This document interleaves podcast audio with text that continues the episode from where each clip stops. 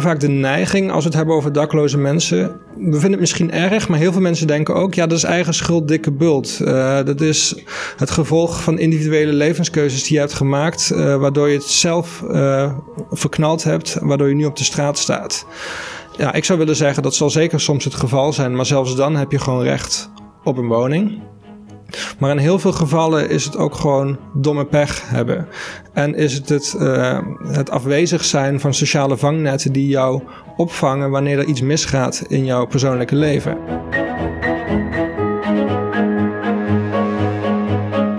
Dus minderheidsrechten zijn een reactie op dat de meerderheidscultuur wordt uitgedragen door de staat.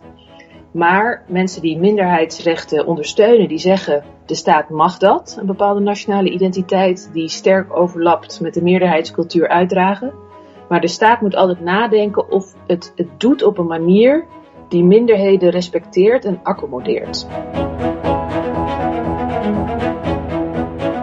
Maar als je kijkt puur naar de definities van populisme en van complottheorieën, dan zie je dus dat er een soort rode draad door die ideeën loopt. Dus populisme en samensweringstheorieën zijn uh, alle twee eigenlijk uh, op het idee gebaseerd dat je uh, aan de ene kant een, het algemene wil van het volk hebt, wat ondermijnd wordt door een corrupte elite.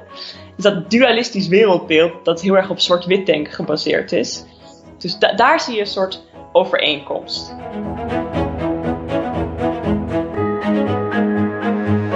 Dag allemaal, welkom bij de Stuk Rood Vlees podcast. Mijn naam is Armen Hakverdian, ik ben politicoloog aan de UvA.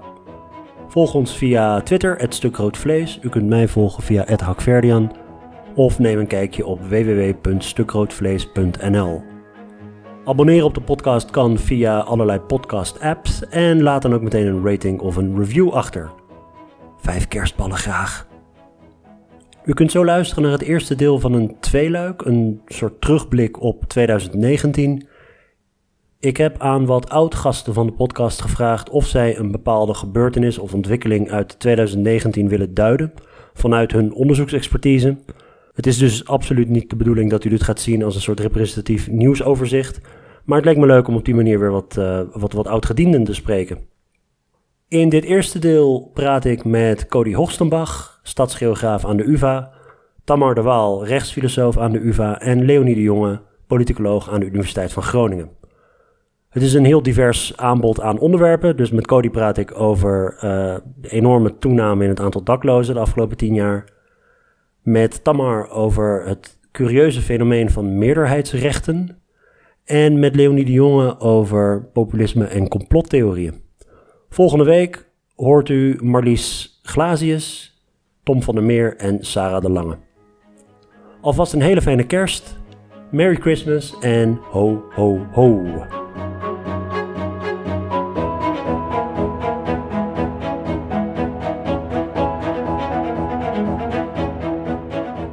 Goed, ik zit hier met Cody Hoogstenbach. Cody, welkom terug. Dankjewel, Armin.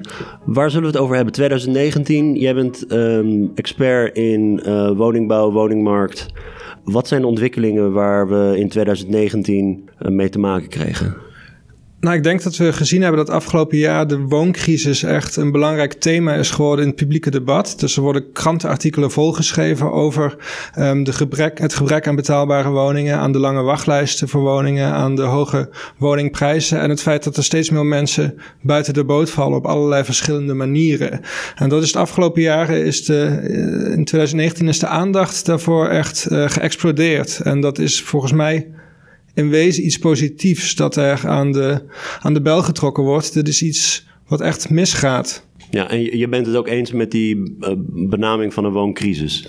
Ja, wooncrisis, woningnoodramp. Wat je soms ook wel eens hoort is dat er altijd sprake is van een wooncrisis. Ook in de jaren uh, 70, toen bijvoorbeeld Amsterdam leegliep had je hier ook een wooncrisis, een woningnood. Had je ook uh, geen woning, geen kroning.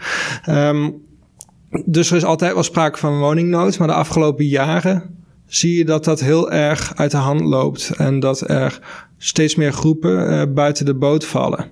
Ja, eh, daarover gesproken, de, een van de onderwerpen die het meest aandacht kreeg was de toename van het aantal dakloze mensen.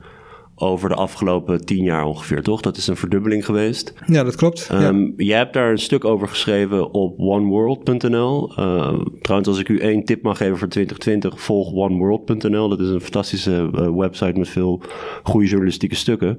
Dat begon met een heel persoonlijk verhaal. Kun je daar iets over vertellen? Nou, het klopt dat het afgelopen jaar dus um, nieuwe cijfers naar buiten zijn gekomen over het aantal dakloze mensen in Nederland. En dat is tussen 2009 en 2018 is het aantal geregistreerde daklozen voor, uh, volgens het CBS meer dan verdubbeld. En dat zijn cijfers die natuurlijk altijd uh, heel erg tot de verbeelding spreken. En voor mij persoonlijk spreken die cijfers ook heel erg tot de verbeelding. Omdat toen ik uh, een jaar of twaalf was, is mijn vader ook dakloos geraakt. Hij had een sieradenwinkel in Maastricht, in de binnenstad van Maastricht. En hij woonde daar boven die sieradenwinkel. Mijn ouders zijn gescheiden op jonge leeftijd, dus hij woonde daar in zijn eentje. En hij is in die periode is hij um, in de schulden geraakt. Want als ondernemer moet je uh, veel investeren voordat je geld gaat verdienen. Nou, dat ging ja. niet helemaal goed. Deels uh, ook buiten zijn eigen schuld om. Er werd bijvoorbeeld de, de winkelstraat werd opnieuw betegeld uh, op dat moment. Waardoor het eigenlijk een modderbad was gedurende lange tijd. Waardoor de inkomsten van zijn winkel flink terugliepen. Um, en toen in die periode is, uh, heeft hij dus betalingsachterstanden opgebouwd. Onder andere met betrekking tot uh, de huur van zowel de winkel als de woning waar hij dus uh, boven die winkel zat. En is hij um, voor mijn gevoel van het ene op het andere moment op straat komen te staan. Nou, dat is vanuit mijn perspectief. Ik was toen een jaar of twaalf. Dat speelde natuurlijk al langer ja. iets op de achtergrond. Maar dat, maar dat heb ik toen allemaal niet meegekregen. Um, probeer die waarschijnlijk van jou weg te houden, of tenminste dat... Ja, precies. Hij heeft er nooit iets van laten merken tegenover mij. Dus dat ja. kwam voor mij als een volslagen verrassing. En ik kan me nog wel herinneren, en dat beschrijf ik ook in het artikel uh, op oneworld.nl, dat ik op een, ik meen een zaterdagochtend, dus uh, naar mijn vader toe ging. En dat ik voor een gesloten winkel stond en een leeggeruimde winkel met zo'n um, zo'n grote container voor de deur waar dan alles inge, ingegooid wordt. En ja. dat, uh, dat kwam voor mij als een hele grote verrassing natuurlijk, dat mijn vader opeens dakloos was. En um, gezien die ervaring dat mijn vader een periode dakloos is geweest, doen die cijfers dat het aantal dakloze mensen uh, meer dan verdubbeld is, mij misschien nog wel meer pijn, om het zo te zeggen, dan, uh, dan het voor andere mensen het geval is. Hoewel bijna iedereen zal zeggen, dit is een, uh, een onacceptabele trend in een welvarend land als, als Nederland. Ja. En ik kan me ook wel herinneren in die periode dat mijn vader dakloos was, dat hij... Um, nou, dat hij uh, gebruik moest maken van die slaapzalen van het leger des Heils. En ik kwam, uh, toen ik onderzoek deed voor dat artikel van One World, kwam ik ook een, een interview met hem tegen uh, in een vakblad. Waarin hij het had over vreugdeloze slaapzalen. Hij vertelde mij ook wel eens dat hij zich totaal niet veilig voelde in die slaapzalen. Omdat er andere mensen waren met um, psychische problemen, sociale problemen. dat hij bijvoorbeeld als hij ging slapen een stoel boven zijn bed zetten als een soort van eerste verdedigingslinie mocht oh, iemand hem iets ja. willen misdoen. Dus dat is niet bepaald die plek waar je je veilig voelt, waar je je thuis voelt. En um, er is ook al vaak onderzoek gedaan naar het belang van het hebben van een geborgen plek die jij als thuis bestempeld om jouw leven in te richten, om jouw sociale leven in te richten, dus om sociale contacten te onderhouden, maar ook om te werken aan um, aan je productieve bestaan. Um, ja. Als je dakloos bent of als je, of als je gebruik moet maken van dit soort slaapzalen, is het natuurlijk heel lastig om jezelf uh, te concentreren op werk. Maar dat zien we in toenemende mate wel. Zeker in landen als het Verenigd Koninkrijk of de Verenigde Staten zijn er steeds meer mensen die dakloos zijn, maar gewoon dagelijks nog steeds naar het werk gaan. En in Nederland zijn er volgens mij geen cijfers over bekend. Mensen die wel dakloos zijn, maar toch gewoon een baan hebben. Maar het zal hier ongetwijfeld ook voorkomen, hoewel in mindere mate dan in de VS en het Verenigd Koninkrijk. Ja, die CBS-cijfers die lieten ook zien dat 80% man is. Mm -hmm, ja. Waarom is dat zo? Um, nou, dit zijn geregistreerde daklozen. Um, en veel vrouwen die dakloos raken, die komen in beschermd wonen situaties terecht. En dat is natuurlijk ook een vorm van thuisloosheid. Dus je hebt dakloosheid en je hebt thuisloosheid. En veel vrouwen komen terecht in beschermd wonen situaties. Um, en dat is een andere categorie voor, voor in die CBS-data? die worden niet geregistreerd door de CBS-data, maar bijvoorbeeld wel door een brancheorganisatie als Federatie Opvang. Federatie Opvang die spreekt ook over een totaal van 70.000 dak- en thuislozen. Daar zitten die uh, oh ja. groepen wel in. En het gaat dan bijvoorbeeld om alleenstaande moeders met jonge kinderen. Die worden iets minder snel op, op straat gezet of komen op straat te staan dan uh, alleenstaande mannen. Ja, nu is dit een onderwerp waarbij het lijkt alsof iedereen het erg vindt. Maar als ik jouw werk goed begrijp, zag je dit al van verre aankomen. Dit is, het, dit is niet zomaar een natuurlijke ontwikkeling richting meer dakloosheid. Dit is het gevolg van concreet beleid. Ja, dus falen van beleid. Ja, je kunt de vraag stellen of het het falen van beleid is. Um, of dat het beleid in principe goed werkt en dat dit een, uh, een uitwas is wat onderdeel is van, van beleidsintenties. Dat kan ik zo meteen nog wel iets verder toelichten. Maar het is inderdaad opvallend dat toen deze cijfers van CBS eind augustus bekend werden, buitelden de politici echt over elkaar heen om te benadrukken hoeveel ze wel, hoezeer ze wel niet geschrokken waren van deze, van deze toename.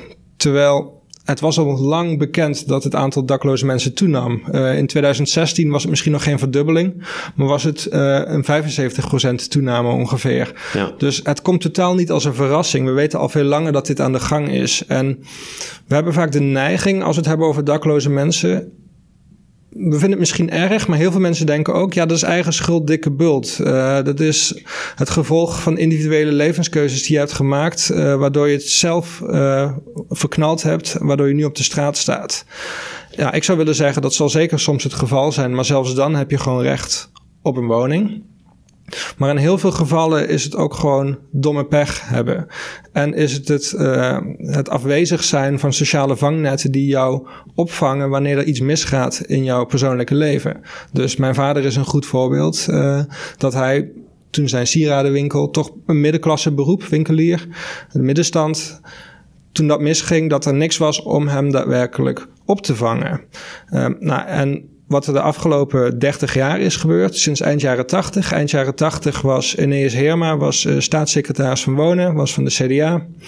En Eneas Herma heeft toen uh, de notitie opgesteld volkshuisvesting in de jaren 90.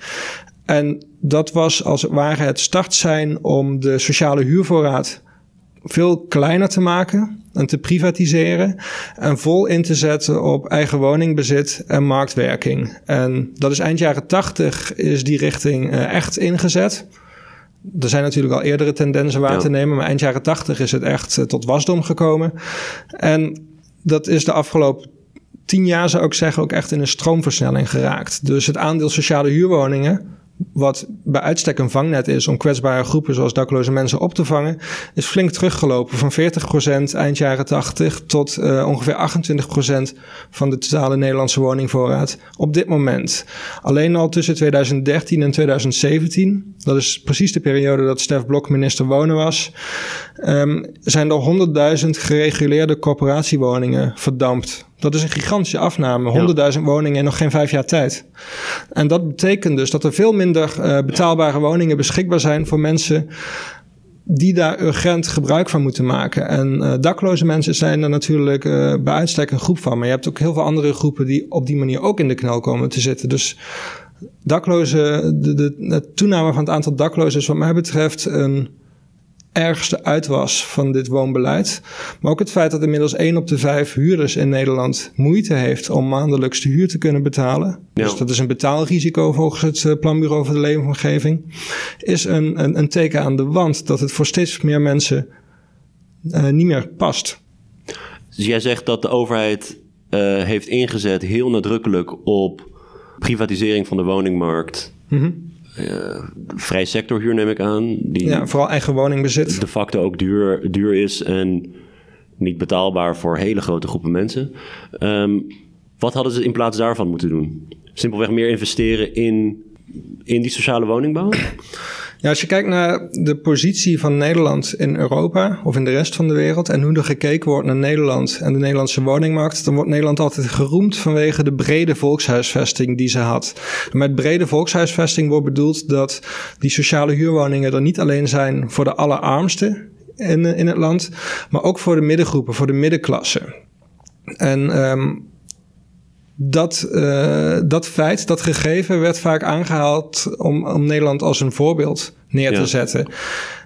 En wat we juist zien is dat er in Nederland de afgelopen 30 jaar um, flinke stappen zijn gemaakt om dat model, dat brede volkshuisvestelijke model, onderuit te halen, af te breken. En ik denk dat dat een grote fout is geweest en dat er, dat er veel verstandiger aan gedaan was wanneer er vol ingezet zou zijn op het uh, inderdaad blijven investeren in sociale woningbouw. Het blijven bouwen van betaalbare volkshuisvesting, betaalbare sociale huurwoningen.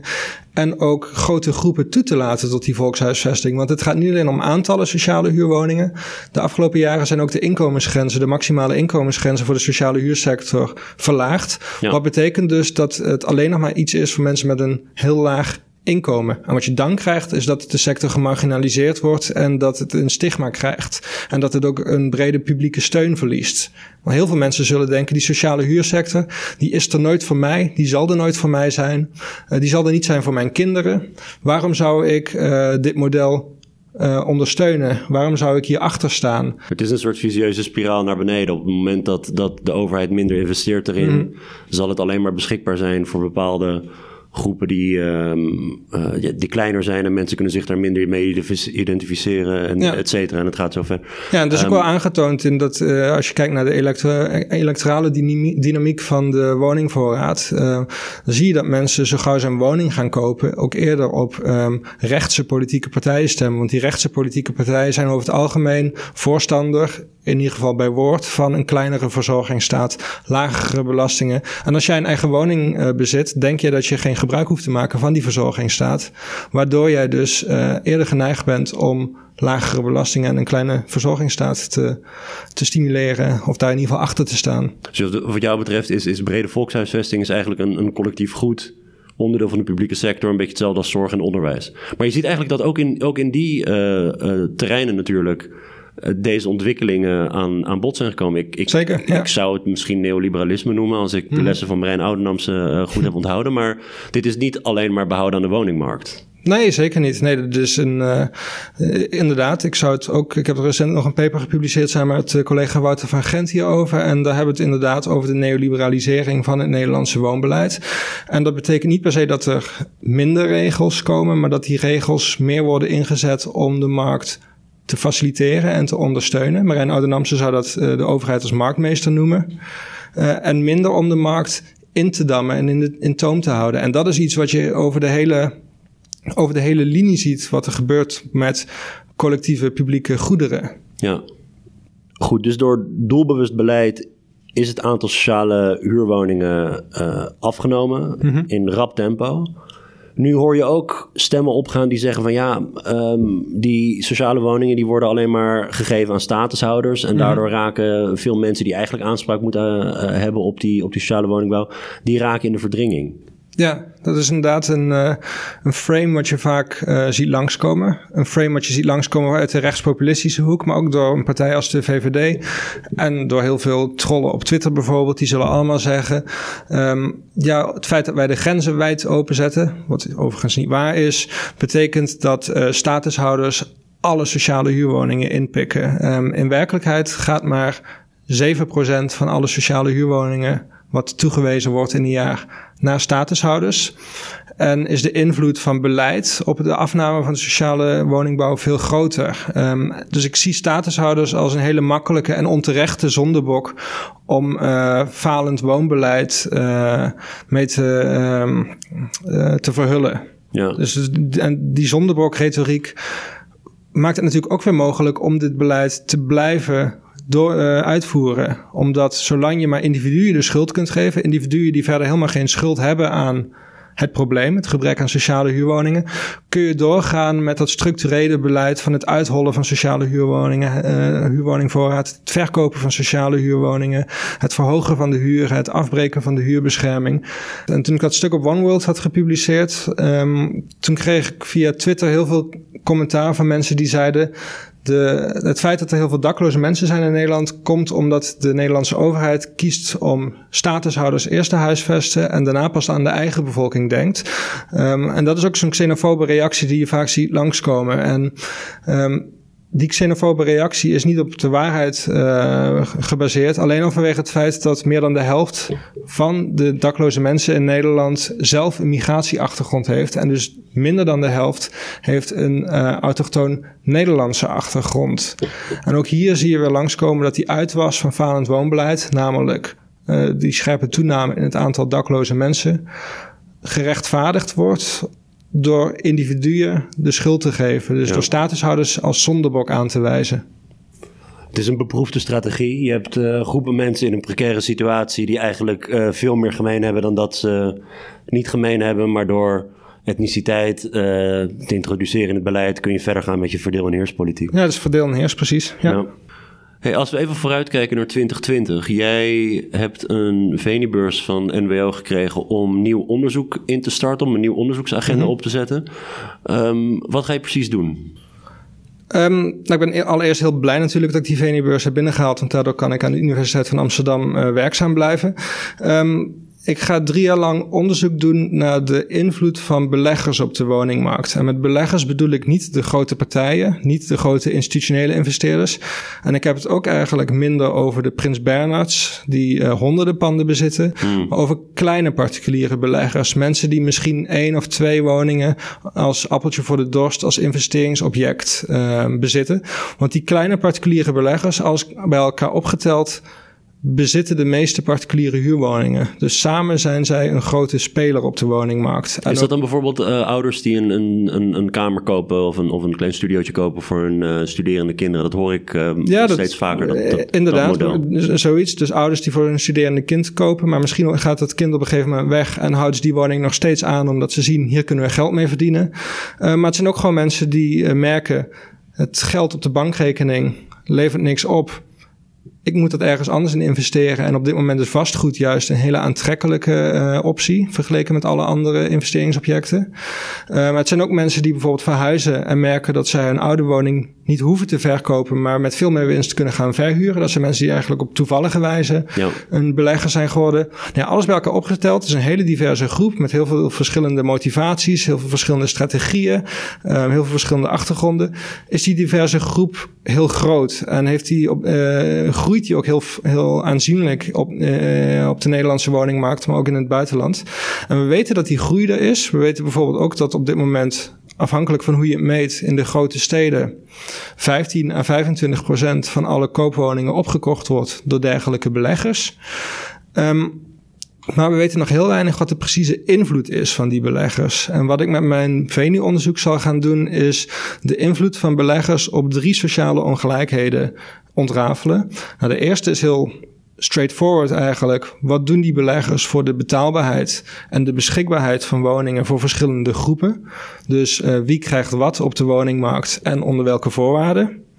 Een tweede ongelijkheid waar ik aandacht aan wil besteden is ruimtelijke ongelijkheid. Want die beleggers investeren, investeren natuurlijk niet uh, willekeurig in het land. Die investeren op bepaalde plekken. En uh, op andere plekken investeren ze weer niet. En dit kan bijvoorbeeld de ruimtelijke verschillen aanjagen, de segregatie versterken. Maar het is ook misschien mogelijk dat ze uh, juist op plekken investeren die, uh, waar jarenlang niks gebeurd is. Dus hoe dat uitwerkt, daar is nog totaal geen zicht op. En een derde, en dat vind ik zelf een heel belangrijke, is de invloed van beleggers op vermogensongelijkheid. De inkomensongelijkheid in Nederland is relatief um, gematigd in internationaal opzicht. De vermogensongelijkheid is in Nederland heel groot. Uh, een van de koplopers zelfs. En een belangrijke reden voor die grote vermogensongelijkheid is de woningmarkt. Dus als jij een woning bezit, kun je heel veel vermogen opbouwen met die woning. En als jij moet huren, kun je juist geen vermogen opbouwen. En ik voorzie dat daar nu steeds meer een driedeling ontstaat, waarbij beleggers meerdere panden kunnen aanwenden om vermogen op te bouwen. Dat reguliere kopers, dus gewoon mensen die een eigen woning kopen, profiteren van stijgende vastgoedprijzen, die deels weer veroorzaakt worden door diezelfde beleggers. En dat er onderaan een groeiende groep huurders is die geen vermogen kan opbouwen en door de stijgende huren ook geen geld opzij kan zetten om in de toekomst die, die sprong naar een koopwoning te maken. Omdat het steeds belangrijker wordt dat je een, uh, een zak eigen vermogen meeneemt als je een woning wil kopen. Maar ik, ik proef een beetje tussen de regels door dat de uitkomsten best wel eens zouden kunnen zijn dat die, uh, of stel, uh, we weten niet wat de uitkomsten zijn, maar stel dat de uitkomst is dat deze beleggers, deze private kleine, kleine partijen op de woningmarkt, inderdaad die ongelijkheid aanjagen en, mm en, en verstorend werken nog verder mhm. dan, dan, dan wat nu aan de gang is. Op een gegeven moment is natuurlijk de vraag van ja, zou de overheid moeten bijspringen, stel dat dat gebeurt? Want mhm. mensen hebben het recht om te investeren, uh, maar tegelijkertijd eh, eh, kan dat botsen met een ander recht, wat jij zojuist het, het recht van huisvesting noemde bijvoorbeeld. Zie je daar nog een bepaalde spanning tussen? Ja, zeker. Um, nou, je stelt nu verschillende vragen. Ik denk dat het belangrijk is om te, uh, inderdaad, ik vermoed dat beleggers um, de ongelijkheid eerder zullen versterken dan uh, dempen. Ja. En dat zou een rationale kunnen zijn voor de overheid om in te grijpen, zeker. En dat is in het buitenland ook gebeurd. Dus die kleine beleggers waren in het Verenigd Koninkrijk al veel langer bezig aan een opmars. En um, vooral de jonge generatie daar delfde daardoor het onderspit. Dus dan krijg je een huurgeneratie, een generation rent in het Verenigd Koninkrijk, wat er gewoon niet tussen komt. Um, de Britse overheid heeft in reactie daarop een um, een aanvullende overdrachtsbelasting ingevoerd voor die kleine beleggers. Um, waardoor het duurder wordt om beleggingsobjecten te kopen, om woningen te kopen als belegging. En dit heeft daadwerkelijk bijgedragen aan een afname van het aandeel aankopen door dergelijke particuliere beleggers. In uh, Nieuw-Zeeland zijn ook maatregelen ingevoerd om buitenlandse beleggers te weren. En zo zijn er nog tal van andere voorbeelden. Dus er zijn, er zijn verschillende maatregelen mogelijk die uh, inderdaad kunnen werken. En ik denk dat er vanuit verschillende politieke perspectieven zeker wat te zeggen valt voor het invoeren van dergelijke maatregelen. En wanneer de woning in toenemende mate dient als investeringsobject, zal de uh, consumptiefunctie, dus de woning als een dak boven je hoofd, als een thuis, als een plek waar je fijn kunt wonen, uh, naar de achtergrond verdwijnen. Ik ja. zeg niet dat die helemaal verdwijnt, want mensen zullen blijven wonen in die woning. Maar de prijs zal in toenemende mate betaald worden, uh, bepaald worden sorry, door de investeringsfunctie. En dat zal uitwassen creëren en zal ook zorgen uh, voor uitsluiting uh, of verdringing van mensen aan de onderkant die niet mee kunnen doen in het feestje van vermogensopbouw en in het feestje van um, rendementen onttrekken via de woningmarkt. Ja. Heel erg bedankt voor je tijd. Yes. En uh, de, de, allerbeste voor 2020 uh, met, met, je Veni en, uh, en verder. En ik denk dat de UvA heel blij mag zijn dat ze jou weten te behouden hier. Dankjewel. kom, kom een keer terug om hier uitgebreider over te praten. Graag, lijkt me heel leuk. Oké, okay, tot, tot snel.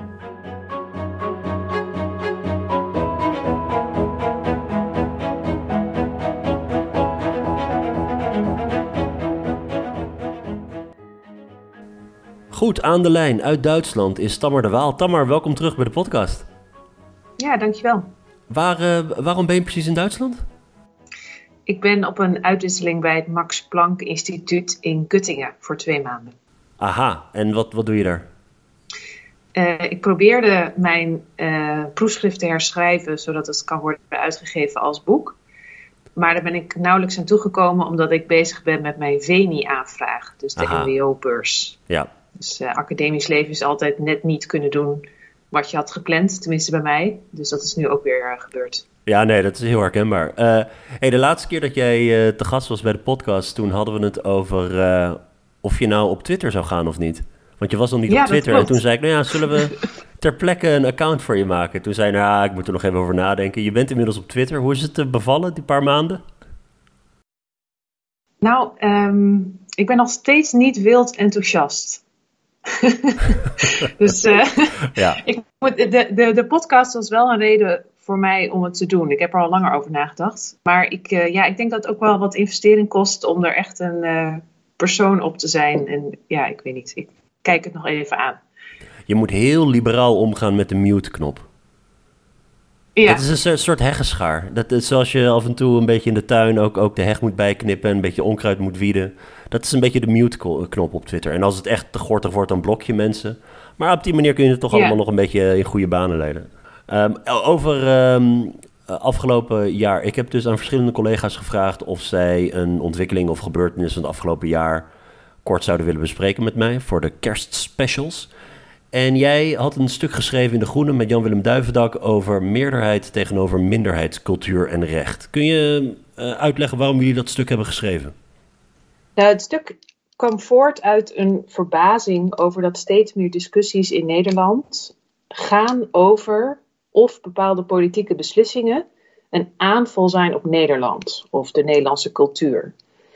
En uh, dat is denk ik oorspronkelijk begonnen bij discussies over diversiteit en migratie. Uh, dus mijn onderwerp in ieder geval van mijn proefschrift. Maar je ziet dat die discussie als een soort van olievlek aan het uitspreiden is ook naar andere discussies. Uh, de ene die ik wel heel interessant vind, is dat het ook de klimaatdiscussie nu toch ook wordt gevoerd in wie zijn er voor Nederland en wie zijn er tegen Nederland. Waarbij dus bijvoorbeeld het argument dat je minder vlees zou moeten eten om je ecologische footprint te verkleinen, een aanval is op het nationale gerecht de gehaktbal. Maar je ziet het ook bij uh, discussies over feminisme. Um, of um, nou, de Engels spreken aan de universiteit. Dus de hele uh, Nederlandse politiek wordt eigenlijk één discussie over degene die Nederland aanvallen en Nederland zouden willen behouden. Dat is natuurlijk gechargeerd. Maar die tendens zie je wel. Maar de, de, dan is mijn vraag zou dan zijn van ja, oké, dat, dat, dat kunnen heel veel mensen vinden. Maar het gaat veel verder dan dat. Mensen vinden dat er een recht is om die identiteit te behouden, toch? Ik bedoel, de, dat mensen de wens hebben van, uh, nou ja, goed, ik wil graag dat, dat Nederland dus en zo blijft. Um, ja, dat, dat, dat mag je vinden. En, maar jullie zeggen heel nadrukkelijk, er wordt nu een nadruk gelegd op, op een soort van recht om de Nederlandse identiteit te behouden. Een recht om de Nederlandse taal te behouden. En dat dat een problematisch uitgangspunt is. Klopt dat? Ja, dat klopt. Dus het, dat aan de ene kant was het een verbazing over het politieke debat, publieke debat. Maar aan de andere kant uh, nemen wij een tendens waar ook in uh, de academische discussies, maar tot op zekere hoogte ook in de journalistiek en zelfs in de rechtspraak, waarin dus inderdaad wordt gesproken over dat er te weinig aandacht is geweest voor culturele meerderheidsrechten. Uh, en dat argument gaat dan vaak dat er de afgelopen 30 jaar heel veel aandacht is geweest voor minderheidsrechten. Dus in de politieke filosofie uh, van het multiculturalisme bijvoorbeeld, maar ook bepaalde rechten van uh, minderheden God, in, in, de context van godsdienst. Uh, die zijn allemaal vastgelegd en worden beschermd. Maar het idee is dan, uh, dat is doorgeslagen en daardoor zijn mensen nu in opstand gekomen omdat ze ook willen dat hun eigen cultuur wordt beschermd. Um, en je ziet dat bijvoorbeeld in de politicologie, dus jouw gebied had je die Canadese politicoloog, zijn naam is Kaufman, ik ben even zijn voornaam vergeten. Eric, die Eric eh, Kaufman bedoel je? Ja, die oh, heeft ja. een vuistdikke boek geschreven over dat um, meerderheden in westerse uh, democratieën hun eigen cultuur mogen beschermen als een witte identiteit.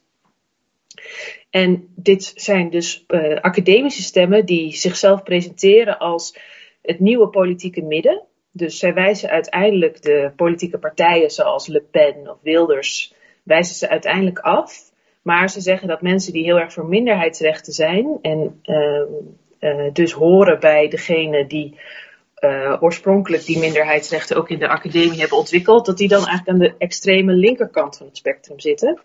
En dat zij het redelijke midden zijn in deze moeilijke discussie. Ja, ik zag ook de naam van uh, David Miller zag ik voorbij komen. Ja, iemand die ik, uh, die, ik, die ik ken als... Hij was oud-docent van mij in, in, in, in Oxford op een blauwe maandag. Um, ja.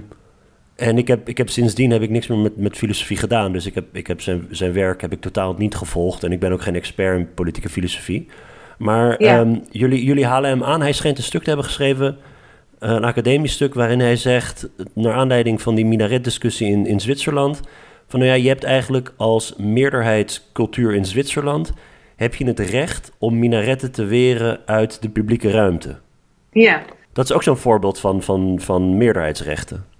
Ja, dat is zeker een voorbeeld. Het is één artikel, dus hij heeft er niet een hele studie van gemaakt, maar het was naar aanleiding van dat referendum over minaretten.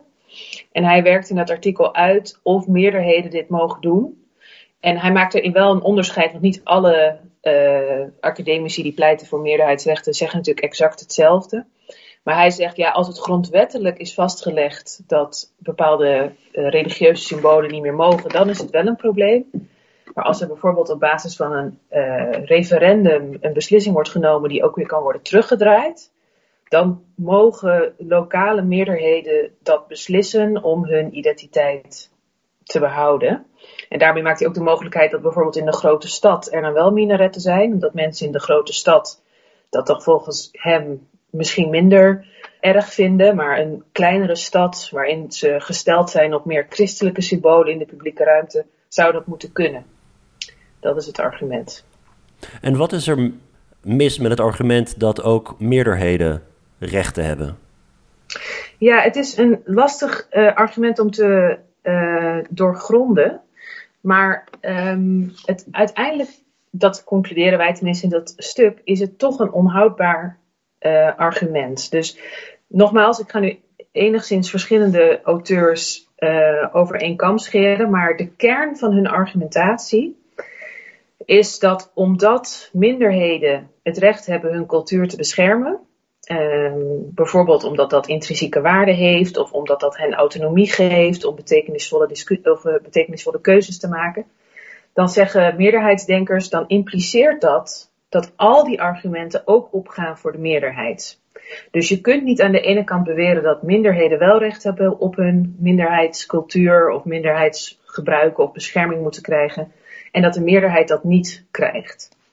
Maar het uh, element van minderheidsrechten, of de, de, noodzaak van minderheidsrechten dat zij uh, niet meenemen, is dat uh, bepaalde groepen minderheidsrechten krijgen omdat de staat de meerderheidscultuur al elke dag constant uitdraagt.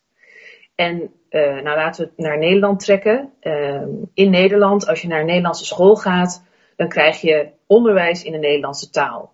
Je hebt vrij op Nederlandse feestdagen. Onze publieke omroep heeft een hele sterke focus, nogmaals, op de Nederlandse taal, maar ook op allerlei Nederlandse festiviteiten. Dus wij zien allerlei feestdagen, wij zien de koning in allerlei plekken in Nederland, we zien Sinterklaas. Um, we hebben allerlei programma's die aandacht besteden aan belangrijke onderdelen van de Nederlandse geschiedenis. Dus de meerderheidscultuur wordt al de hele tijd uh, ja, eigenlijk uitgedragen, verzorgd uh, en ook wel aangeleerd aan mensen. Dus mensen die worden geboren of hier naartoe komen, die worden constant geconfronteerd met de meerderheidscultuur. En de reden waarom dat uh, gebeurt, dat is ook po politiek-filosofisch, zijn er heel weinig mensen echt tegen. Dat is omdat een democratie binnen een bepaalde staat of een grotere entiteit toch een bepaald soort gevoel van gemeenschappelijkheid moet hebben. Dus een bepaalde nationale identiteit. Dus de en, en bij die nationale identiteit horen ook, uh, sorry dat ik je onderbreek, maar die, die identiteit heeft ook symbolen nodig. Zoals een vlag of een koningshuis ja. of een, nou ja, wat, wat het ook mogen zijn. Maar, en, die, en die moet je ook uh, cultiveren en onderhouden en doorgeven van generatie op generatie. Ja, precies. Dus het is een beetje open wat het dan precies moet zijn. Dus uh, in Amerika heb je natuurlijk een soort van civil religion, inderdaad rondom de vlag en patriotisme en het zingen van, de, van, het, uh, van het volkslied op school. Ja, het is niet gezegd dat dat dan direct ook in Nederland moet. Uh, maar je hebt ook allerlei indirecte manieren. Dus je zou haast kunnen zeggen dat het niet kennen van het volkslied iets is dat in Nederland gedeeld wordt. Dus, of um, ja, iets als nationale feestdagen of een taal, dat hebben wij natuurlijk wel degelijk ook. Dus het kan verschillende vormen hebben. Maar dat wij allemaal heel sterk in een Nederlandse context opgroeien, dat is toch niet te uh, ontkennen. En ook dat dat heel duidelijk wordt gecultiveerd door de publieke instituties in Nederland, waaronder het onderwijs, de zorg, de televisie. Um, dus daar is eigenlijk niet eens echt discussie over of de meerderheidscultuur mag worden uitgedragen. Uh, maar wat minderheidsdenkers, minderheidsrechtdenkers uh, daartegen inbrengen, is dat dat op zich prima is. Dus gemeenschappelijkheid is belangrijk en een nationale identiteit in een bepaalde vorm is niet per se problematisch. Maar zij zeggen, uh, hoewel dat allemaal belangrijk is, hoeft dat niet te betekenen dat minderheden hun eigen achtergrond en cultuur volledig moeten opgeven. Dus zo'n nationale identiteit kan best vormgegeven worden op basis van meerderheids- en minderheidsgroepen. En ook die minderheidsgroepen kunnen zichzelf terugzien in die nationale identiteit. En die kunnen ook tot op zekere hoogte hun eigen achtergrond gebruiken en taal behouden. Nou, wat dat precies inhoudt, dat verschilt ook weer per land. Nogmaals, in Nederland zien we heel duidelijk dat wij een nationale minderheid hebben. En dat zijn de Friezen. En die kunnen bijvoorbeeld uh, bepaalde taalrechten krijgen, ook onderwijs in hun eigen taal en bepaalde uh, budgetten zijn beschikbaar voor hun uh, lokale cultuur, zo gezegd. Maar het interessante daarin aan is dus dat je ziet dat minderheidsrechten altijd reactief zijn. Dus minderheidsrechten zijn een reactie op dat de meerderheidscultuur wordt uitgedragen door de staat. Maar mensen die minderheidsrechten ondersteunen, die zeggen de staat mag dat, een bepaalde nationale identiteit die sterk overlapt met de meerderheidscultuur uitdragen. Maar de staat moet altijd nadenken of het het doet op een manier die minderheden respecteert en accommodeert. En ehm, aan het feit dat het reactief is, kun je al zien dat het vreemd is om te zeggen, ja, en omdat minderheden een bepaalde accommodatie moeten kunnen krijgen, betekent dat dat de meerderheid daar dan weer tegen beschermd moet worden. Dus dat is een beetje raadselachtig dat iets dat volgt op het uitdragen van de meerderheidscultuur, dat op zichzelf weer een recht voor de meerderheidscultuur zou doen ontstaan om daartegen beschermd te worden. Dus om het iets specifieker te maken noemen we ook in het artikel de discussie rondom de straight pride. Um, ja. Je hebt natuurlijk op verschillende plekken in de wereld heb je de gay pride. Uh, dat was vroeger, maar ook nog steeds natuurlijk een reactie op het feit dat um, de homoseksualiteit en de homogemeenschap niet altijd um, uh, gerespecteerd of erger werden. Maar er zijn nu ook veel stemmen die opgaan dat omdat er een gay pride is, er ook een straight pride moet komen. Dus dat er een hetero dag moet komen. Ja. En dat is ook al georganiseerd in Boston. Uh, er zijn ook meerdere andere op andere plekken in Amerika uh, georganiseerd, maar er kwamen ongeveer twee mensen op af. Dus het is niet heel succesvol. Maar in ieder geval qua argumentatie zie je dat het hetzelfde, de, de, hetzelfde denkwijze betreft. Dus um, uh, de homogemeenschap mobiliseert zich in reactie op de uh, meerderheid die hetero is en te weinig aandacht heeft voor de gemeenschap van homoseksuelen. En dan zou het argument zijn dat dan de meerderheid weer bescherming zou verdienen ten opzichte van die mobilisatie van uh, deze homogemeenschap. Dus ja, uiteindelijk werkt het argument niet, denk ik, academisch, als je het helemaal uitpelt. Maar politiek lijkt het wel heel sterk te werken. Dus dat is interessant. En wat ook interessant is, is dat die academische stemmen, die geven toch ook legitimatie aan dat argument in de politiek. Dus zij, zij kunnen zich nu ook beroepen op bepaalde academische stemmen en zeggen: dit is ook een verdedigbare stelling. Ja. Is het niet zo dat, dat vorige week of twee weken geleden er ook Internationale Mannendag werd gevierd? Dat is ook zoiets. Um, en het, uh, het, het is ook, ik deed me ook een beetje denken aan. Um, ik heb een zoontje van acht. Uh, we hebben natuurlijk vaderdag, we hebben moederdag. En dat hij dan vroeg van ja, wanneer is het dan kinderdag? En dan zeggen wij ja, het is iedere dag kinderdag. Uh, ja, precies. Het is een beetje hetzelfde, hetzelfde argument. Jullie schrijven hier ook, ja, de, de meerderheids- en heterocultuur wordt permanent beleefd en gevierd. Um, ja. Maar jullie schrijven ook op een gegeven moment van nou ja, er is wel degelijk een gevoel van verlies onder meerderheden, maar ook onder die minderheden. En ja. uh, dus het, het, is wel zo dat de samenleving uh, verandert. Het kan zo zijn dat de omgeving verandert. En dat zowel uh, onder, nou ja, laten we vooral etnische meerderheid en minderheidsgroepen, beide die kunnen dat verlies ervaren. En jullie schreven daar iets wat ik heel erg uit mijn eigen familie herken. Namelijk dat ook onder um, eerste, misschien tweede generatie migranten, wanneer hun kinderen uh, bijvoorbeeld Nederlands leren en niet de taal van de ouders. Uh, ja. Of wanneer zij trouwen of partners krijgen uh, die ook niet uit de eigen etnische groep zijn. Dat dat vanuit de oudere generaties in een familie als een soort verlies kan. als een soort verlies kan worden ervaren van onze eigen taal en onze eigen cultuur gaat nu eigenlijk ten onder. En jullie moeten je kinderen dit leren en dat leren. En het is zonde als je dat niet doet. En soms kan dat er heel hevig aan toe gaan. Tot ja. verraad van je eigen groep. Het, het is wel een onderwerp dat extreme emoties oproept. Ja, dat is waar. Uh, dus we maken inderdaad een splitsing en we zeggen van je hebt aan de ene kant de uh, migranten en vooral de eerste generatie migranten is een beetje een onbeholpen term. Maar de mensen die echt hun leven op een nieuwe plek uh, starten en dan hun kinderen vervolgens zien opgroeien in een nieuwe context. En wat wij in dat stuk ook wilden benadrukken is dat uh, minderheden passen zich altijd al veel meer aan aan de meerderheid dan andersom. Dus als je als een minderheid in een uh, bepaald land leeft en er zijn allerlei meerderheidspraktijken, dan zie je heel erg bijvoorbeeld als het aankomt op taal, dat die minderheden veel meer richting de taal van de meerderheid trekken dan andersom. Dus om te zeggen dat die meerderheid door de aanwezigheid van bepaalde minderheden fundamenteel onder druk komt te staan, dat is sociologisch niet houdbaar. Je ziet veel meer dat dus die trek en die invloed van de meerderheidscultuur op minderheden, dat die veel sterker is dan andersom. En dat leidt inderdaad ook tot, ja, ik weet niet of het altijd generatieconflicten zijn. Het kan een conflict zijn, zoals jij zegt, maar het kan in ieder geval ook een gevoel zijn dat je ziet dat je eigen kinderen zo anders, ja, westers, Nederlands, uh, in ieder geval niet volledig zoals jij zelf bent opgegroeid uh, worden.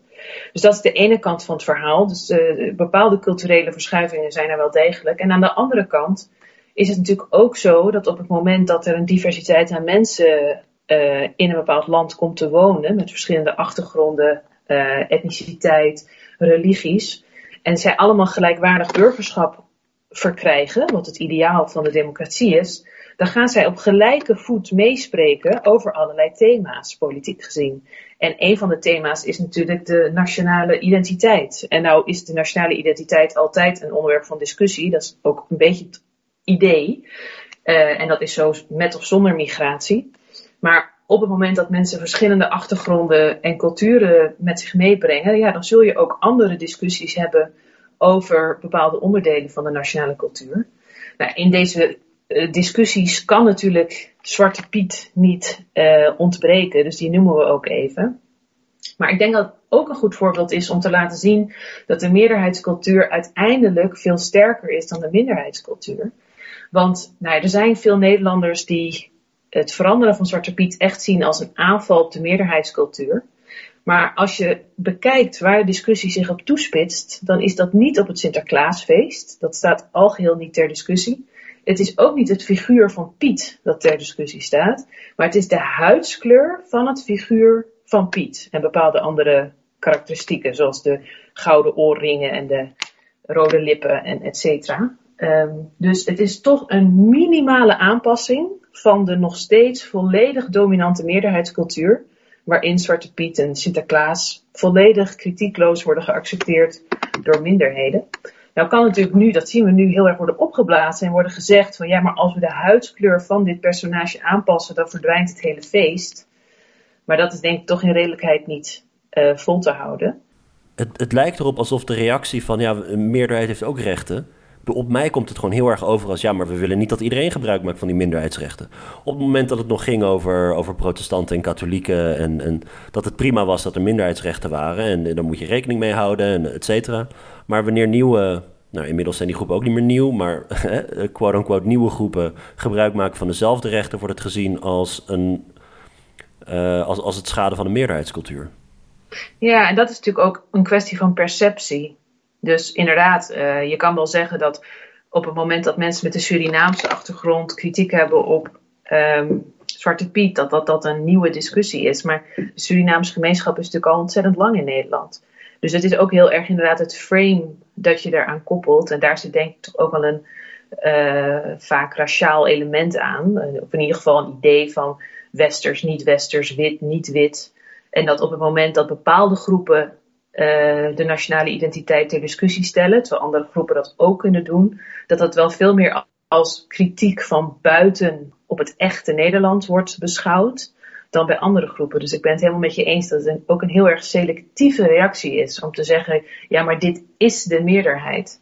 En dat kan ook retrospectief overigens veranderen. Dus bijvoorbeeld um, toen er uh, uh, feministische mobilisatie was, of mobilisatie ter ondersteuning van de, het homohuwelijk, dan werd dat misschien in eerste instantie ook gezien als een aanval op de meerderheidscultuur en op uh, hoe we het doen en de hoeksteen van de samenleving, het gezin en het huwelijk tussen man en vrouw en de verdeling van de, rol, de rollen van mannen en vrouwen. Maar nu achteraf wordt dat ineens weer gezien als typisch Nederlands en gebruiken we dat weer ten opzichte van andere groepen.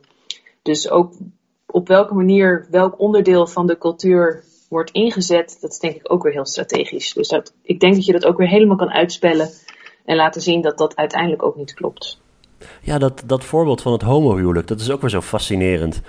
Tot, tot in de jaren negentig was de VVD bijvoorbeeld diep verdeeld over het homohuwelijk. Ja. En dat is echt niet zo heel lang geleden. ik zat op de middelbare school en zo'n oude lul ben ik ook weer niet.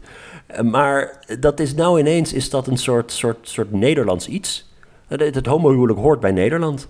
En, um, en als, je, uh, uh, ja, als je wil inburgeren in Nederland en uh, je, je, komt vijf jaar geleden ben je, ben je uit Syrië naar Nederland gekomen en je, je wilt inburgeren en je wil Nederlanderschap en je wil een verblijfs, verblijfsvergunning. Je gaat naar de Stopera, wanneer dat eenmaal achter de rug is en je krijgt een filmpje te zien bij, die, bij, die, bij de hele ceremonie, dan, dan zie je daar een, een filmpje van allerlei Amsterdammers, waaronder ook homostellen. En dat is, heel, dat is allemaal heel Nederlands. Nou ja, het was nog niet zo heel lang geleden dat het typisch Nederlands was om uh, dat vooral niet te doen. Nee, of een bedreiging van het Nederlands zoals we dat kennen. De, de emancipatie van bepaalde groepen of de, of, of de, de bevrijding van bepaalde groepen uh, wordt heel vaak neergezet als een bedreiging voor de meerderheid. Ja. Uh, en, en na verloop van tijd worden diezelfde rechten worden dan gevierd als meerderheidsrechten. Ja, en als democratische emancipatie. Ja. Dus dat, nu zie je ook de discussies over uh, genderneutrale uh, dingen. Dus bijvoorbeeld een genderneutrale toilet. Of uh, dat de NS dan zegt beste reizigers in plaats van dames en heren. Ja, dat zou achteraf, dat zie ik ook zo gebeuren. Dat dat weer helemaal in de mainstream wordt getrokken, zo gezegd. En dat dat dan weer wordt gevierd. Terwijl er nu, denk ik, met argusogen naar gekeken wordt. Ja, stel je voor, wat een, wat een, uh, schending van je burgerrechten dat je uh, reist en reiziger wordt genoemd. um, ja. Hè, maar uh, jullie eindigen trouwens vrij optimistisch. Van, ehm, eigenlijk gaat die integratie in Nederland goed. En dat is juist de reden, of jullie noemen het volgens mij de integratieparadox. Het is juist de reden dat dit soort dingen zo gepolitiseerd zijn, is omdat juist die integratie goed gaat en Nederland um, of, of, of, nieuwkomers zich eigenlijk binnen een paar generaties uh, volledig aanpassen aan heel veel belangrijke meerderheidscultuuraspecten, uh, zoals bijvoorbeeld taal, maar ook, ook ja. liberale grondwaarden en zo. Ja, dus wel op de relevante statistieken. Dus het is wel zo dat, dat uh, er veel meer diverse Nederlanders zijn met diverse um, achtergronden en ook etniciteiten, et cetera. Maar als je kijkt naar de algehele steun voor liberaal-democratische waarden, en ook dingen als het homohuwelijk, maar ook de gelijkheid van man en vrouw, dan is de steun daarvoor nog nooit zo breed geweest als nu. En er zijn natuurlijk verschillen tussen bepaalde groepen, maar alle groepen, eh, en dan heb ik het dus ook over bijvoorbeeld de VVD van de jaren 90 tot nu, uh, trekken veel sterker richting een uh, steun van al die waarden toe. Dus ook alle Nederlanders bewegen zich richting een gedeelde identiteit waarin ze zeggen, nou dat is typisch Nederlands en dat is belangrijk. In plaats van dat we daarvan afbewegen. Dus als je kijkt naar, uh, gaat het goed met Nederland als we die uh, waarden en die meerderheidscultuur die we dan hebben, namelijk die liberaal-democratische waarden en uh, die emancipatie van al die groepen die we hebben gekend in de afgelopen decennia en misschien ook wel nieuwe in de toekomst, dan is de beweging in Nederland alleen maar positief. Dus ook vanuit dat perspectief is toch dat idee dat Nederland ten onder gaat raadselachtig. Nou, dat is toch goed om, uh, om zo'n kerst, uh, kerstspecial af te sluiten met een, met een goede boodschap. Ja. Dan maar het allerbeste voor 2020. Jij ook, dankjewel.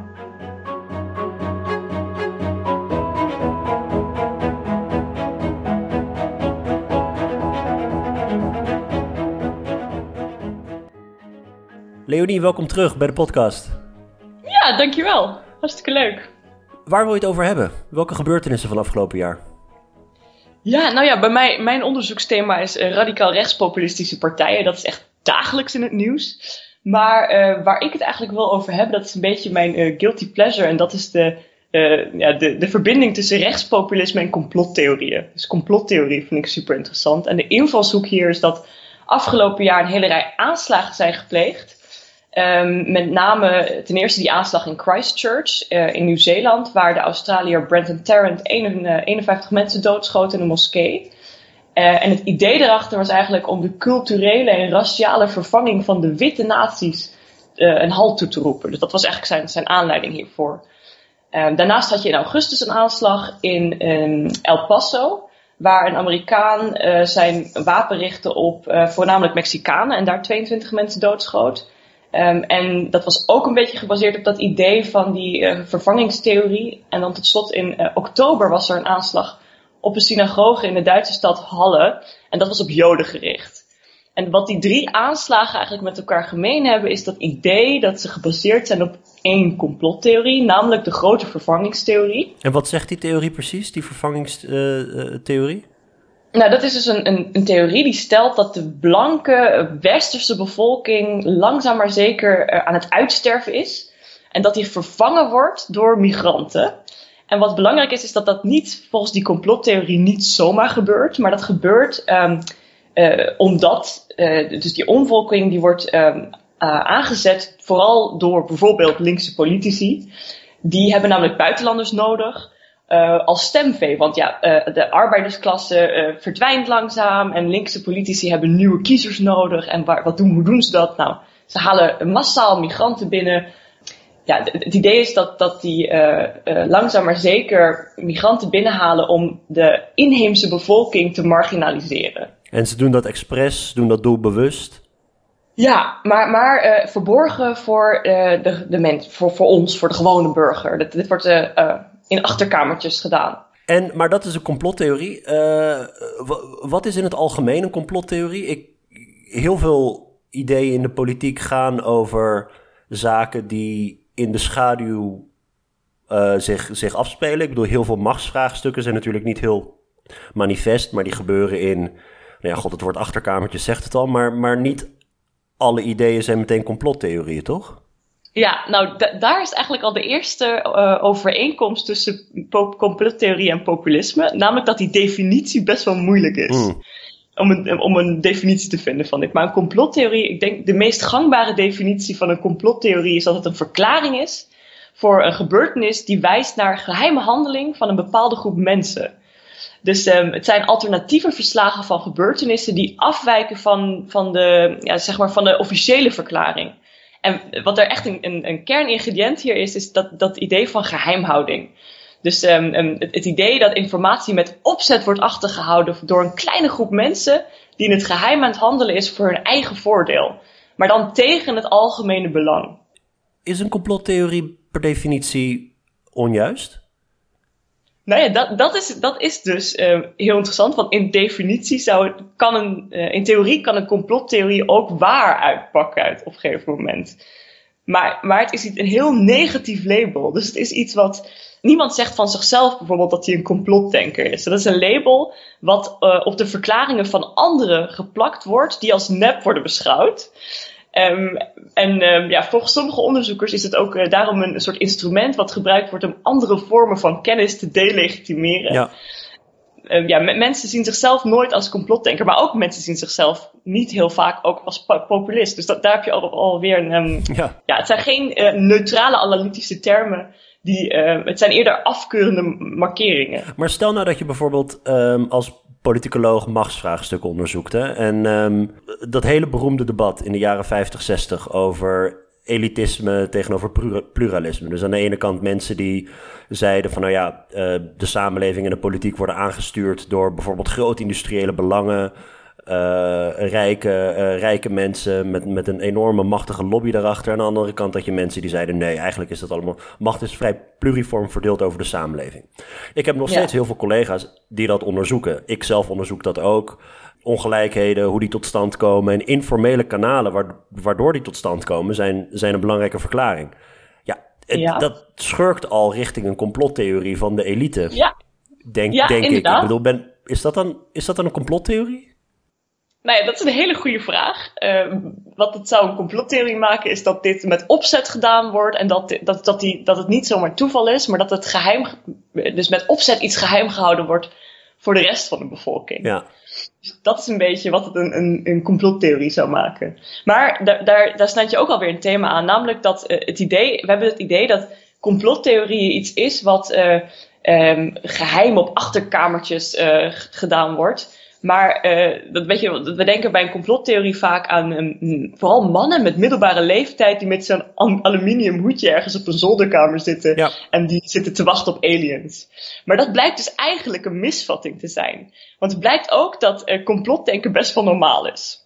Dus dat, dat is dus uit onderzoek gebleken in de afgelopen jaren. Er was dus uh, YouGov, dat is een, um, uh, ja, een, een, een Britse uh, onderzoeksbureau dat gespecialiseerd is in opiniepeilingen. En die hebben samen met onderzoekers van de Universiteit van Cambridge onderzoek gedaan naar complottheorieën, maar ook sociaal vertrouwen, nieuwsconsumptie. En daaruit bleek dat ongeveer 60% van de Britten tenminste in één complottheorie gelooft. En wat voor soort complottheorieën zijn dat dan? Want ik, ik heb een beetje het idee dat als je complottheorie maar breed genoeg definieert, dat dan iedereen een complotdenker is. Maar ik kan, ik kan me ook een aantal hele. Um, ja, gangbare en soort van grappige complottheorieën van de maanlanding die gefaked zou zijn. Of weet ik veel, allemaal van dat soort.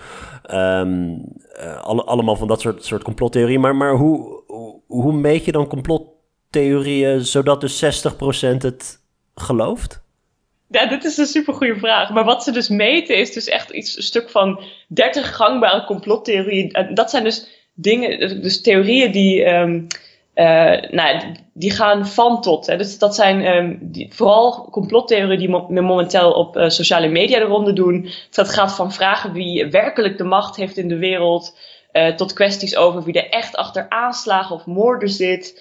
Um, maar ook ja, bijvoorbeeld inderdaad die maandlanding zou in scène gezet zijn. Of je gelooft in aliens. En dat wordt allemaal in één kom gegooid. En vervolgens wordt dat dan getoetst. Um, nou, bijvoorbeeld uh, in Nederland is daar ook onderzoek naar gedaan. Uh, dat was deze zomer pas. Dat was door Kieskompas, dus van uh, dat, dat onderzoeksbureau van André Kruil, wat aan de Vrije Universiteit van Amsterdam is opgericht. En die hebben samen met Trouw onderzoek gedaan naar ook 30 gangbare complottheorieën die op sociale media de ronde doen. En wat dus daar zo interessant is voor mij, is dat um, uit dat. Dus dat zijn inderdaad dan 30 heel breed gedefinieerd complottheorieën. Uh, van tot. Hè. En, en wat dus daaruit blijkt is, surprise, surprise, dat kiezers van um, populistische partijen, dus van Forum voor Democratie en PVV, uh, eh, die zijn het meest vatbare voor complottheorieën. Oké. Okay. Dus dat is um, wat uit dat onderzoek blijkt. Ook weer heel interessant. Maar waarom, waarom um, uh, is dat zo? Ja, nou, dat is een puzzel die, waar ook wel eens wakker van ligt s'nachts. Waarom is dat zo? Het kan dus te, te, maken hebben van hoe je dit meet en hoe je, hoe je die, nou ja, wat je als complottheorie beschouwt. Uh, bijvoorbeeld als je als complottheorie beschouwt dat, uh, dat de media uh, toch maar een linkse machtsbastion is. Dan is het niet heel um, verrassend dat kiezers van populistische partijen juist daar um, meer in geloven. Maar als je kijkt puur naar de definities van populisme en van complottheorieën, dan zie je dus dat er een soort rode draad door die ideeën loopt. Hè? Dus populisme en samensweringstheorieën zijn uh, alle twee eigenlijk uh, op het idee gebaseerd dat je uh, aan de ene kant een, het algemene wil van het volk hebt, wat ondermijnd wordt door een corrupte elite. En dat die, ja, het is eigenlijk um, het idee dat uh, overheidsinstanties kwaadwillige plannen opzettelijk verbergen ten koste van het algemene wil. Dus van algemene wil en van het bredere publiek. Ja. Dus dat dualistisch wereldbeeld dat heel erg op zwart-wit denken gebaseerd is. Ja. Dat, er, dat je uh, onderaan een uh, kwetsbare massa hebt en bovenaan een, een, onderdrukkende krachtige groep waar de macht zit. Dus da daar zie je een soort overeenkomst. Maar socialisme zou dat ook moeten hebben, toch? ik bedoel, ja, nou ja, inderdaad. Dus dan zou, dan zou ik ook verwachten dat, dat, uh, dat bijvoorbeeld er een, een sterke relatie is tussen mensen met socialistische denkbeelden en complottheorieën.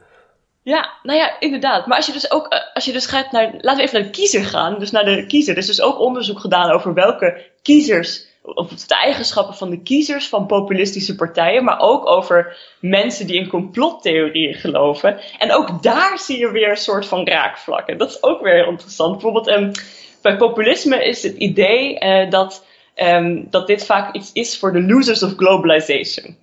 Dus uh, dat de steun voor populistische partijen meestal het grootst is bij mensen die zich uh, op de een of andere manier een beetje achtergesteld voelen van, van die zich op de, ja, verloren, verliezende kant van de, van de politiek bevinden. Bijvoorbeeld collega's Steven van Howard en Stijn van Kessel hebben in, in, in negen Europese landen onderzoek gedaan naar populistische kiezers. En daaruit vonden ze dat uh, populistische kiezers over het algemeen meer geïnteresseerd zijn in de politiek, maar minder tevreden zijn met de democratie. Ja. Dus dat ontevredenheid. En dat is dus heel interessant, want ook bij complotdenkers, er zijn ook studies gedaan, uh, die uh, hebben aangetoond dat complotdenkers vaker, complotdenken komt vaker voor bij mensen die het gevoel hebben dat ze permanent vastzitten aan de verliezende kant van de politiek. bijvoorbeeld, de Amerikaanse onderzoeker Joe Oczynski heeft onderzoek gedaan naar dit thema, naar complotdenken in de Verenigde Staten. En hij zegt dus daar, het komt vaker voor bij degenen uh, die van de macht uitgesloten zijn. Dus wanneer je een republikein hebt die president is, dan geloven democraten eerder in samensweringstheorieën. En terwijl een democraat president is, dan heb je republikeinen die juist meer geneigd zijn om zich aan te sluiten bij uh, samensweringstheorieën. Ja, ja. Ja, en, en hoe denk je dat, uh, dat de oorzakelijkheid loopt? Dus is het zo dat je bijvoorbeeld een complotdenker bent uh, een heel zwart-wit wereldbeeld hebt en van daaruit denkt van ja, dan zal het in de politiek ook wel zo zijn. En natuurlijk hebben de mensen het niet voor het zeggen, maar allerlei schaduwmacht hebben het voor het zeggen. Of is het andersom?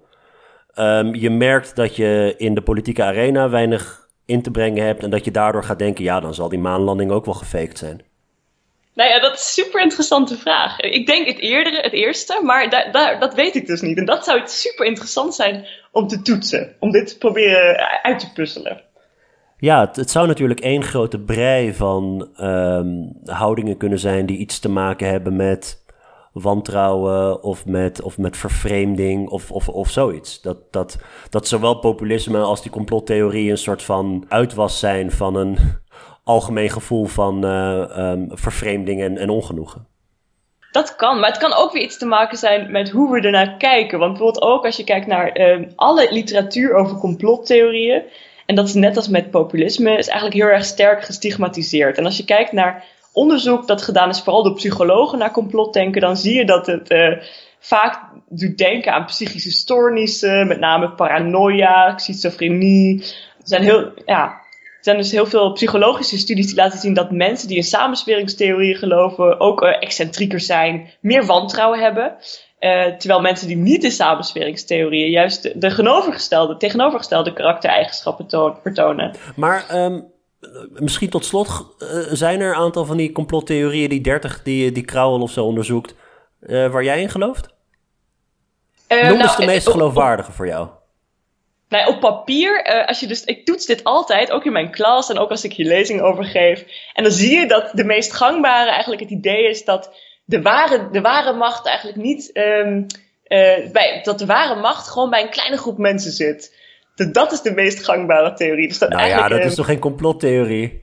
Ja, nou, dit is super interessant. en ook uh, van, van ja, hoe, hoe meet je dit dan? Weet je? Dus alleen dan is de manier van meten eigenlijk al een beetje problematisch. Ja, ja. En dat is ook weer die vraag van, is het nou eigenlijk goed of slecht voor de democratie? Daar heb je een heleboel literatuur over, um, uh, over populisme. Dus daar is echt een debat over of populisme nou goed of slecht is voor de democratie. Want op zich een beetje uh, sceptisch zijn tegenover leiders is heel gezond voor de democratie. Maar bij complottheorieën, daar hebben we echt een enorme weerstand. Bijna alle wetenschappelijke literatuur hierover zegt, uh, is, is geschreven vanuit een superkritisch perspectief. Tot op één na, die ik gevonden heb, dat is een socioloog, Jaron Harambam. En hij, heeft onderzoek gedaan in zijn promotieonderzoek naar uh, waar complottheorieën vandaan komen en wat hun functie is. En hij zegt eigenlijk dat dit, dat dit heel belangrijk is voor de burger om kritisch te zijn.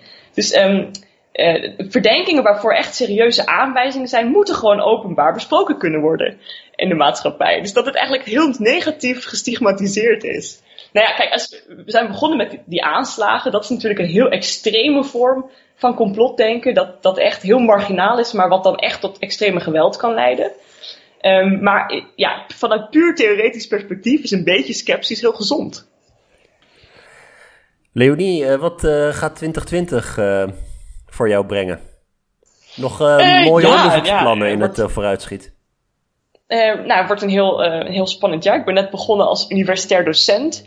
Dus um, ik ga bedenken waar ik mijn volgende stap meer wil zetten qua onderzoek. maar gelukkig um, ja, blijft populisme super. Ja, gelukkig voor mij dan blijft populisme een super actueel thema. En uh, waar nog heel veel onderzoek naar gedaan kan worden. Dus um, ik hoop dat ik uh, daar een beetje tijd van kan vinden naast onderwijs. Om ook weer uh, in het onderzoek te duiken.